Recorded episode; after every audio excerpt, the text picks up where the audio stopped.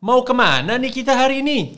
Ke mana aja, yang penting Pakai hati perginya.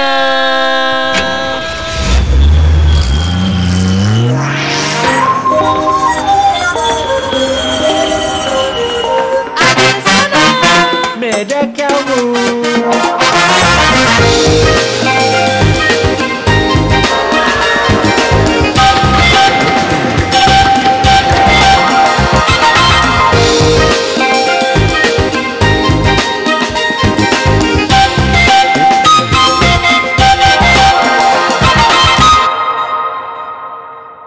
Bentar-bentar. Sebelum lanjut podcastnya, gua mau ngajakin kalian untuk nge-podcast juga. Gratis dan praktis. Caranya... Caranya mudah, pakai aja aplikasi Anchor. Gampang banget gunainnya. Semua yang kamu perluin untuk membuat podcast udah ada di sini. Seperti sound effect, background music, ngedit, ngetrim, dan split audio. Dan bisa rekaman di mana aja dan kapan aja. Termasuk distribusi ke Spotify dan platform podcast lainnya. Jadi mudah banget. Tunggu apa lagi? Yuk, download aplikasi Anchor dan mulai podcastmu sekarang. Meda hari ini gue mau ngajakin lu main. Ah, Asik, akhirnya Biasa aja boleh nggak Abi responnya. ngajak Gak main. usah sampai segitunya. Gua mau Eh, ngajakin gue jarang main. ngajakin lo main soalnya. Nah ini makanya gue mau ngajakin lu main. Gue excited. Sebuah permainan yang pasti lu udah pernah diajak main sebelumnya sama orang, tapi gue akan berikan variasi sedikit. Ya. Permainannya itu Adalah yang eh, ngomong cepat itu loh. Tongkat, kontak, tongkol itu loh. Oh, Ya, gue kayak main gitu, itu. yang kayak gitu. Lihat. Nah, permainan ini tapi gue ganti kata-katanya jadi arip, urip, urup. Oke. Bisa nggak? Ya, oke ya, itu- langsung. Ya. Arip, urip, urup, arip, urip, urup. Ya, Se- coba. Sepuluh kali ya. 10 kali ya. Gua dulu apa lu Lu, dulu? lu cepet. Tiga, dua, satu. Arip urip urup. Nah, Arip, urip, sambil. Meda urip, nyobain, gue mau urip, introduce. Arip, kalian urip, urup. Arip, ke urip, narasumber kita hari urip, ini. Namanya urip, itu ya urip, kayak yang lagi sebutin Meda urip, ini. Arip, urip, urup. Apa urip, artinya? Arip urip Urip, urup. ur, nggak lanjutin, lanjutin, urip urup, arip urip. Ini ki berasa Urip. bukan main, ini dihukum ya. Arip urip Nah, urup, arip urip urip itu urup. kalau bahasa urip, Jawa artinya urip, hidup. Urip Urup itu kalau bahasa urip, Jawa artinya urip, bercahaya. Berarti urip, si. Arip ini urip, hidupnya bercahaya. Urip, Mantap gak Tuh? urup. Arip, urip, Kita langsung sambut saja. Arip. Arip. Urip. Budiman. Arip Budiman. Enggak soalnya tagline-nya dia kan Arip urip ya, ya, ya. Arip Budiman. Yeay. Mas Arif apa kabar? Sehat, alhamdulillah Mas Abi, Mbak. Meda, Iya. apa kabar juga? Pakai D. Emang banyak kan soalnya sih suka pada pakai G. Meda kok? Enggak, tadi kan kayak Mega. Enggak ya? Meda Gue kok. salah. Meda, Lu insecure Meda. sendiri sih. Orang udah bener Susah, juga nyebutnya. Oke, sebelum kita eh, lebih jauh lagi, Mhm. buat warga PHP, kita mau kenalin dulu di sini ada Mas Arif Budiman. Mas Arif Budiman ini adalah founder dari Instagram Kuliner Jogja. Tulisannya Kuliner Yogya. Bener ya, At ya. kuliner Yes, Yogya. at Kuliner Yogya. Wah, itu Ya. udah 400 ribu bi followernya bi. 400 ribu, Iya. hampir setengah juta follower. Nah, bahkan ya kalau teman-teman aku nih kalau mau ke sana ke Yogya ya, Mas, pasti Ya. bilang, "Eh, lu mesti lihat dulu tuh. Kalau misalnya mau referensi makanan, lihat kuliner Jogja." Gitu. Disclaimer dulu buat warga PHP nih yang begitu denger ini langsung mau ke IG sebentar dulu. Pastikan perut tidak lapar Iya. karena kalau kelaparan keroncongan ke sana makin merana hidup Anda. Nah, mendingan dengerin obrolan kita dulu ya sama Mas Arif Tetap ya. sih tetap lapar sih ntar. Yaudah cari cemilan dulu deh sebelum dengerin ini deh mendingan.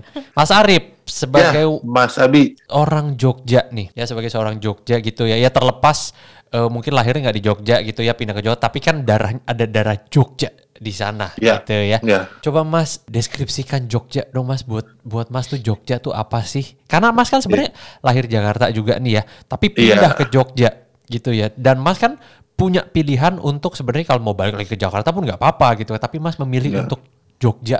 eh, bisa dibilang sih, eh, karena kan dari kecil itu eh, lahir di Jakarta nih. Terus beberapa kali pindah sempat di Pulau Kalimantan, di Sumatera, dan akhirnya berlabuh ke Jogja. Jogja kalau menurut saya pribadi itu suatu kota yang nyaman, penuh dengan cerita seperti Indonesia kecilnya dari suku Sabang sampai Merauke ada di sini. Tapi ada satu hal yang bisa bikin eh, Jogja itu agak-agak berbahaya karena Jogja itu zona nyaman banget. Oh. Zona nyaman banget. Macam lagu nih Kayak lagu ya, ya. Heeh, zona nyaman. Tapi setuju sih gue Ya, sama jadi kan itu. eh, bisa dibilang eh, saya dulu juga pernah kerja di Jakarta juga, terus pulang ke Jogja itu kok kayaknya waktu itu serasa slow motion. Jadi ibarat kata itu kalau di Ja- Jogja itu penuh penuh pemakluman, penuh eh, dengan oh iya nanti bisa, oh iya nggak Oh. apa-apa. Itu sampai sampai ke orang Jogjanya sendiri kalau misalnya pas eh, aku nge-review kuliner ada beberapa misalnya kayak pedagang kuliner itu mas eh, ini bahasa Jawanya ya Iya, kalau rasa diliput eh, aku udah seneng kayak gini jadi istilahnya ke bahasa Indonesia nya. Eh, aku gini aja tuh udah bahagia, udah seneng. Ya takutnya nanti kalau rame malah eh, keteteran, Oh, malah iya, jadi iya, iya, iya, Nerimo iya. ya, nerimo. Ya, nerimo, nerimo. Oh, oh. Nah, itulah kenapa bisa dibilang Jogja itu sebenarnya nyaman tapi agak-agak bahaya nih kalau misalnya emang terlalu terbuai sama kenyamanannya Jogja. Karena di Jogja juga banyak banget pindahan dari kota-kota besar. Sekarang bisa dibilang artis-artis pada nyari rumah itu di Jogja Hmm. dan pada betah Hmm, hmm, hmm. eh, di Jogja. Terus ada pensiunan-pensiunan juga. Teman beberapa di, eh, lulusan kampus ketika dia eh, kerja di luar Jogja, di Surabaya, di Jakarta. Terus ketika pandemi gini WFA bilang, kok enak ya di Jogja ya? Apa apa buka usaha aja di Jogja ya? Tapi nggak ya nggak semudah itu juga karena Jogja kan UMR-nya emang emang bisa dibilang belum terlalu besar ya di Hmm. Jogja. Iya. Jogja itu bisa dibilang eh, sedikit-sedikit itu bikin komunitas, Mas. Nah, Sedikit. mantap banget. Jadi dari komunitas apa pun di Jogja itu pasti ada. Iya. Dan uniknya lagi, eh, aku bicara tentang profesi food blogger ya. Food blogger itu di Jogja bisa dibilang salah satu komunitas yang banyak ditanya sama food blogger lain, kok bisa rukun. Hmm. Rukun Nah, maksudnya kalau di luar sana, gitu. ya kalau di luar sana itu eh, sampai misalnya ada eh, akun A nggak di sana. Kalau misalnya ada akun A barengan, saya ganti hari ya. Terus eh, kalaupun barengan, mejanya masih dipisah yang agak jauh segala macam. Nah kalau di Jogja itu kita uniknya bikin komunitas, kita bikin eh rednya kayak red keroyokan, jadi Mhm. dari satu pintu diurusin semua segala macam. Wow. Nah, itu malah memudahkan si klien Hmm, hmm, hmm. alias si resto. Nah itulah kenapa ketika restoran Jogja buka di luar mereka kaget. Rip kok di Jog apa di luar Jogja susah ya nyari yang kayak gini nih. Aku kayak nggak sabar pengen Untuk masuk langsung ke topik utama kita hari ini. Mm-mm. Yang Apa itu? spesialisnya, specialty-nya Mas Mas Arif udah Urip, jelas. Urup. Kuliner Jogja Mas Arif. Silakan Iya. Mas Arif. Se- Waktu dan tempat saya persilakan Mas Arif. Menurut Mas Arif apa sih yang nggak boleh?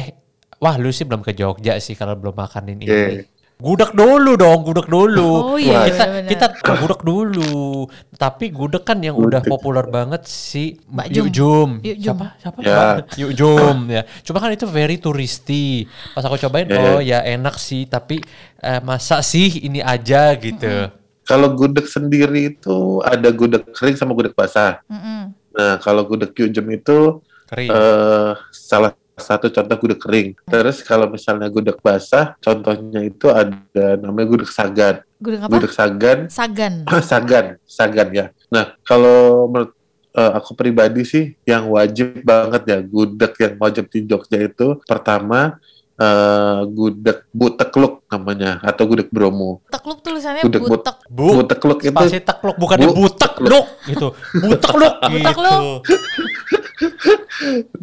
nah gudeg butekluk itu namanya pun dari ceritanya. Jadi eh, karena dia buka dari jam 11 malam sampai jam 4 pagi, Mhm. dia suka ketiduran. Ya, serius. Jadi aduh, iya jadi aduh ketika jadi sedih. Jadi yuk kita borong deh yuk kasihan. Pas jadi dia ketika dia apa dia Ngipas. dia eh, ladenin ngipas. gitu, ladenin makanannya gudegnya gitu dia suka yang tiduran. Ya, ketekluk-tekluk gitu lehernya banget. makanya namanya butekluk. Oh ibu tekluk. Ya, Oh astaga, bukan butek lu, bukan gitu. Iya, pot- motong kalimatnya hati-hati Meda ya. Butekluk. Ntar orang marah. Eh, minta suggestion gudeg dong. Butek lu. Marah orang jadinya. Bu, tekluk. Tapi Tekluk. hasil tekluk-teklukannya itu ternyata Dahsyat. Enak ya. dahsyat dahsyat itu gudeg salah satu gudeg basah yang wajib banget kalau ke Jogja terus eh, kalau yang suka pedes ada namanya gudeg mercon eh, Yuk Tinah Hmm. itu juga Nah. eh, oke banget cuman kalau gudeg mercon Yuk Tinah ini eh, harganya hanya Tuhan dan dia yang tahu kadang-kadang Gimana Oh, tuh maksudnya? Mau-mau dia. Sekarang Iya. positive thinking aku tuh dari dulu adalah dia itu nggak bisa ngitung Ah. Jadi orang tua ya. kadang itu kalau ya jadi kalau mau ke sana eh, tipsnya adalah mending bayar sendiri-sendiri daripada digabungin. Kalau digabungin eh, ibunya makin pusing, makin Hmm. mahal biasanya. Oh, bagus nih tipsnya nih.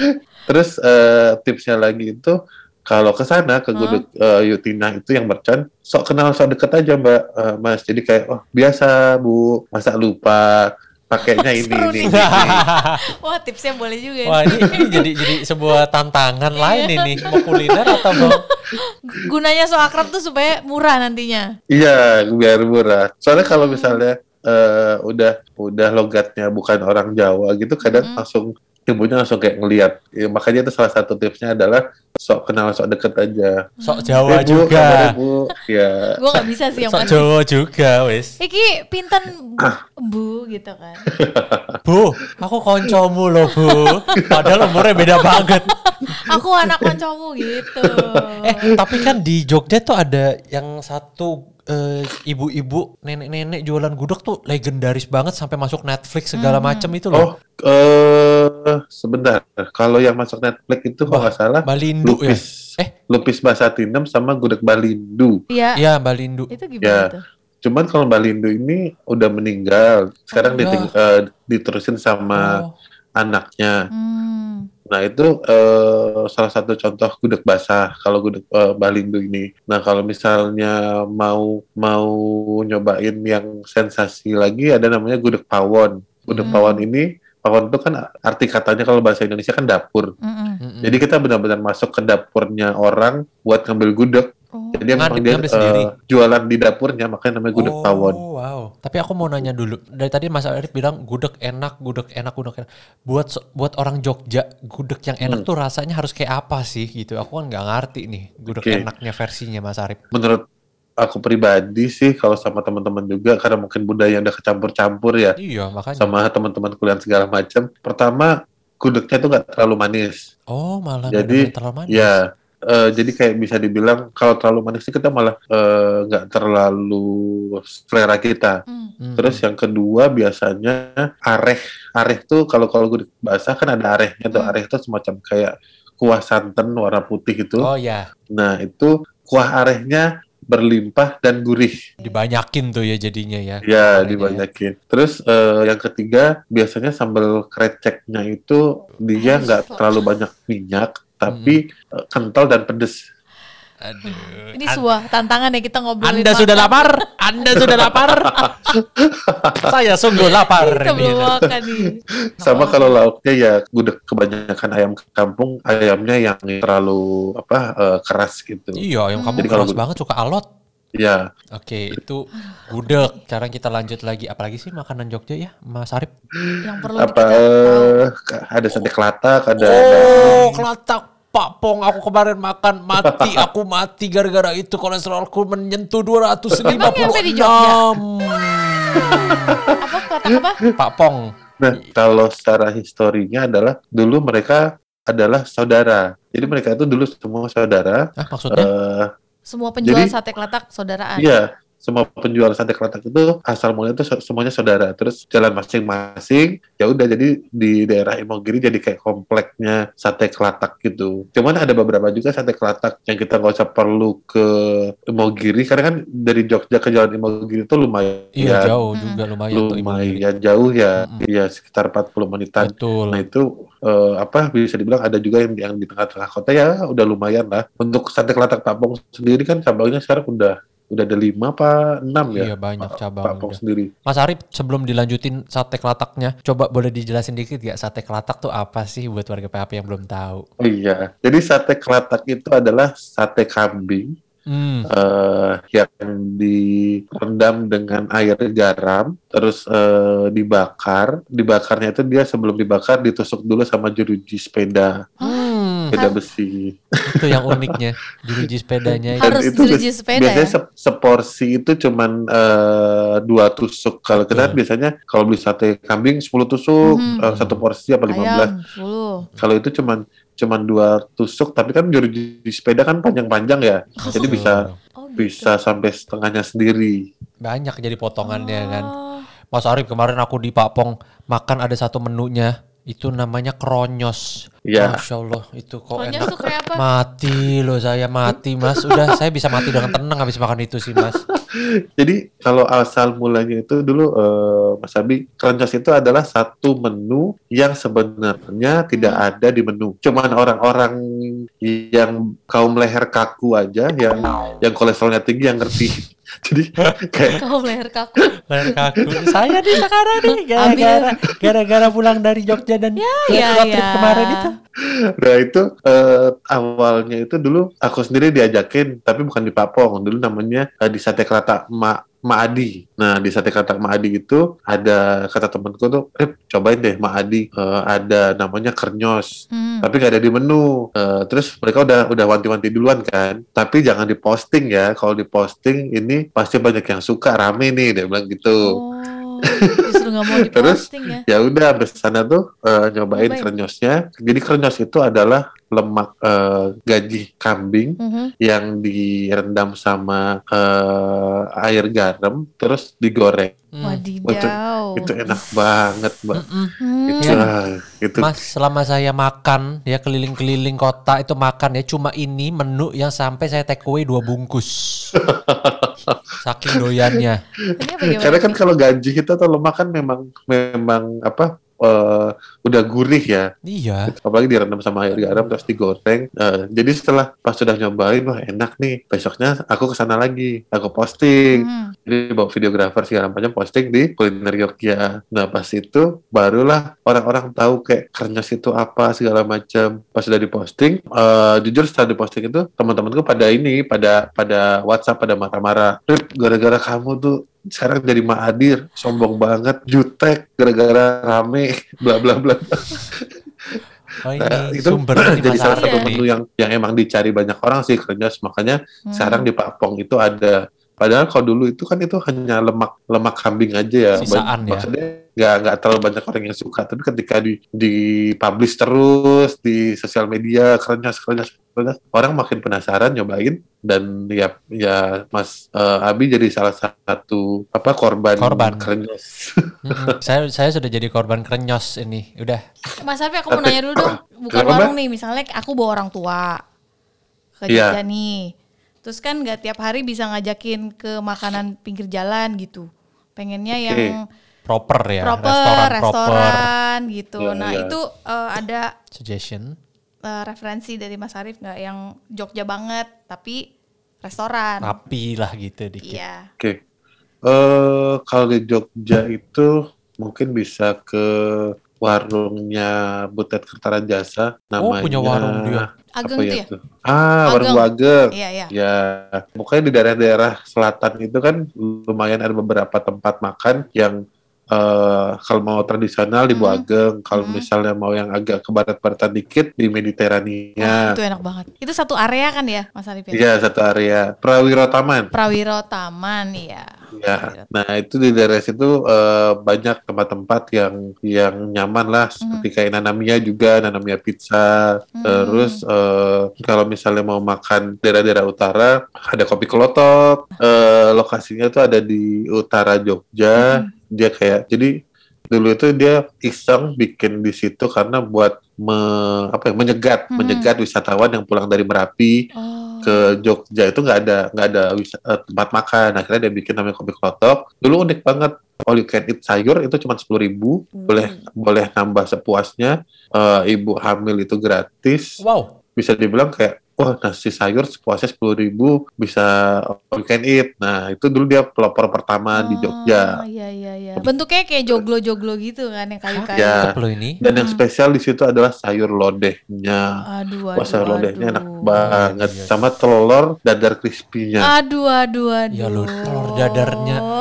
Jawa Tengah tuh kenapa Enak ya ya? enak-enak lo aneh lo. Padahal ini telur dadar doang lo. Kok bisa Iya. crispy gitu Sampai ya? sampai bapak bapakku pribadi Aku ajakin ke sana tadinya kayak ya lah makanan rumahan doang cuman sayur lodeh. Di sini juga ada di sana juga ada. Ketika nyobain sekarang jadi fans beratnya kopi kelotok. Iya. dua minggu sekali tuh harus ke sana.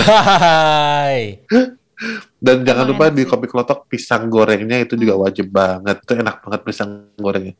Pisang goreng paling enak sejogja Oh ya, Wow, waduh. ini sebuah klaim nih ya. Iya, ini Saya sangat tertantang ini untuk mencoba nih jadinya. Karena sejogja, itu wajib banget pisang gorengnya kopi kelotok tapi kalau ke sana emang harus siap-siap antri ya Mm. apalagi kalau weekend Mas aku kemarin pas baru masuk Jogja kan kita akan ngelewatin Prambanan dulu tuh ya. Kalau dari arah dari arah Ya. Solo situ-situ ya. Masuk Jogja lewatin Prambanan sebelah kiri itu ada deretan jualan es dawet, Mas. Tapi yang lucu ya Mas ya, cuma ada satu brand, satu toko doang, satu tendaan doang yang rame, sisanya kagak rame tuh Mas. Rame. Iya, eh, daerah-daerah Prambanan Mhm. mau ke Jalan Solo Bandara kan ya itu Iya. biasanya memang emang dia itu aku lupa namanya Pak siapa. Dawetnya emang emang yang pertama di situ terus rame ya kemudian mengundang tukang-tukang dawet lainnya buat menjemput rezeki di situ. Oh. Tapi emang- Emang emang yang paling rame ya eh yang paling legend yang yang paling rame itu cuman aku lupa namanya Pak siapa. Di situ juga sebenarnya ada ada namanya eh, sabar menanti itu juga sambel sambel cobeknya tuh juga enak banget sih dari beberapa meter di dawet itu tuh. Oh di, di sabar. deretan situ juga ya. Dawet Iya. Ngudi Roso nih aku abis ngelihat foto. Di Rosso. Iya Iya. kan ya. Dan harganya kan juga emang murah banget kan Mas? Parah. Bentar-bentar. Sebelum lanjut podcastnya, gua mau ngajakin kalian untuk nge-podcast juga. Gratis dan praktis. Caranya... Caranya mudah, pakai aja aplikasi Anchor. Gampang banget gunainnya. Semua yang kamu perluin untuk membuat podcast udah ada di sini. Seperti sound effect, background music, ngedit, ngetrim, dan split audio. Dan bisa rekaman di mana aja kapan aja. Termasuk distribusi ke Spotify dan platform podcast lainnya. Jadi mudah banget. Tunggu apa lagi? Yuk, download aplikasi Anchor dan mulai podcastmu sekarang. Kalau dessert-dessert gitu apalagi Mas Arif yang enak? Eh ini ada salah satu pemain dessert di Jogja. Dia dulu mensuplai eh, coffee shop terbesar di Indonesia yang warna-warna hijau yang sering di mall-mall. Eh, sebut saja SB SB. Ya. Iya, ya, se- dia eh, menyuplai cheesecake-nya. Oh, Di oke, sana. Oke, oke. Nah, nah, dan dia sama sekali eh, kalau misalnya lihat akun Instagramnya benar-benar gak ada foto produknya, benar-benar cuman sekedar punya. Terus eh, di Jogja juga nggak ada pelangnya, nggak ada iklannya. Eh? Kita juga nggak pernah dipanggil buat review segala macem. Eh, belinya pun itu di garasi rumahnya. Eh, jadi dia dulu ada mantan chef pastry di Jogja, terus buka namanya Wahyu Austin. Aku tahu itu, yes. Nah. Oh itu tuh, oh itu enak banget, aduh. itu harus cobain roll cake-nya itu itu enak banget. Iya, Jogja itu itu enak. Itu aku selalu titip karena aku kan jarang doyan kue ya. Tapi kalau ada temen yang ke Jogja, bela-belain nitip. Itu rata-rata kalau Yes. misalnya teman-teman dari luar Jogja tanya, Rip selain bakpia apa ya oleh-olehnya biasanya tak Iya. bawain itu mereka pada cocok. Aku Wahyu setuju. Austin. Terus kalau beli ya eh, warga PHP kalau beli di Wahyu Austin ini, kalau misalnya kita beli dua bolu atau berapapun suka dikasih tambahan. Jadi dikasih snack sama dia kayak bonus gitu. Ya, bonusnya juga banyak banget. Mm-mm. Aduh, kadang kalau misalnya ad- eh, ownernya itu kan namanya Pak Agus Wahyu. sama atau Pak Austin. eh, Wahyu dan kalau Pak Wahyu itu Austin. nama anaknya. Oh, nama Oh. Ya nama anaknya. Nah, kalau ada ownernya itu langsung wah dikasihnya bisa banyak banget Mm-mm, enak sih tuh. bonus-bonusnya. Aku setuju. Ya iyalah kelasnya udah bisa masuk ke SB. Tapi itu ini mesti. Nah ini balik ke yang mainstream dulu deh. Tapi pengen tahu kalau bakpia tuh Heeh. yang Mas Arif rekomendasiin bakpia apa? Iya. Eh bakpia ada bakpia kering sama bakpia basah juga. Kalau bakpia basah tentu saja Kurnia Sari, Oh tetap ya. Iya. terus eh bakpiaku, terus ada namanya Bapia Mutiara, eh, ada lagi itu kemar- ada di ada di channel YouTube lupa ada ada Kalau Apa? gitu Kalau sampai lupa berarti nggak terlalu berkesan mungkin. iya, Ya udah, cukup apa-apa. yang ini aja. Cukup tiga aja kalau Ah, begitu. Iya. sampai temen itu dulu pernah pernah punya usaha eh, bikin website namanya kurniasari.id apa apa eh, sebagai reseller tidak resmi. Astaga.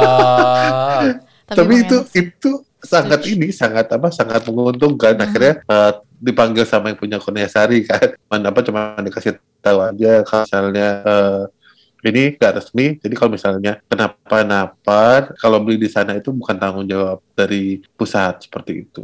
Tidak mau menyita waktu terlalu banyak lagi dari Mas Arif. Pertanyaan terakhir aja dari eh, kami Mas Arif. oke Ad- Mas Arif kan udah bertahun-tahun hidup di Jawa juga nih. Hmm. Jogja lagi karena Jawanya bukan sekedar Jawa, Jogja lagi kan ya.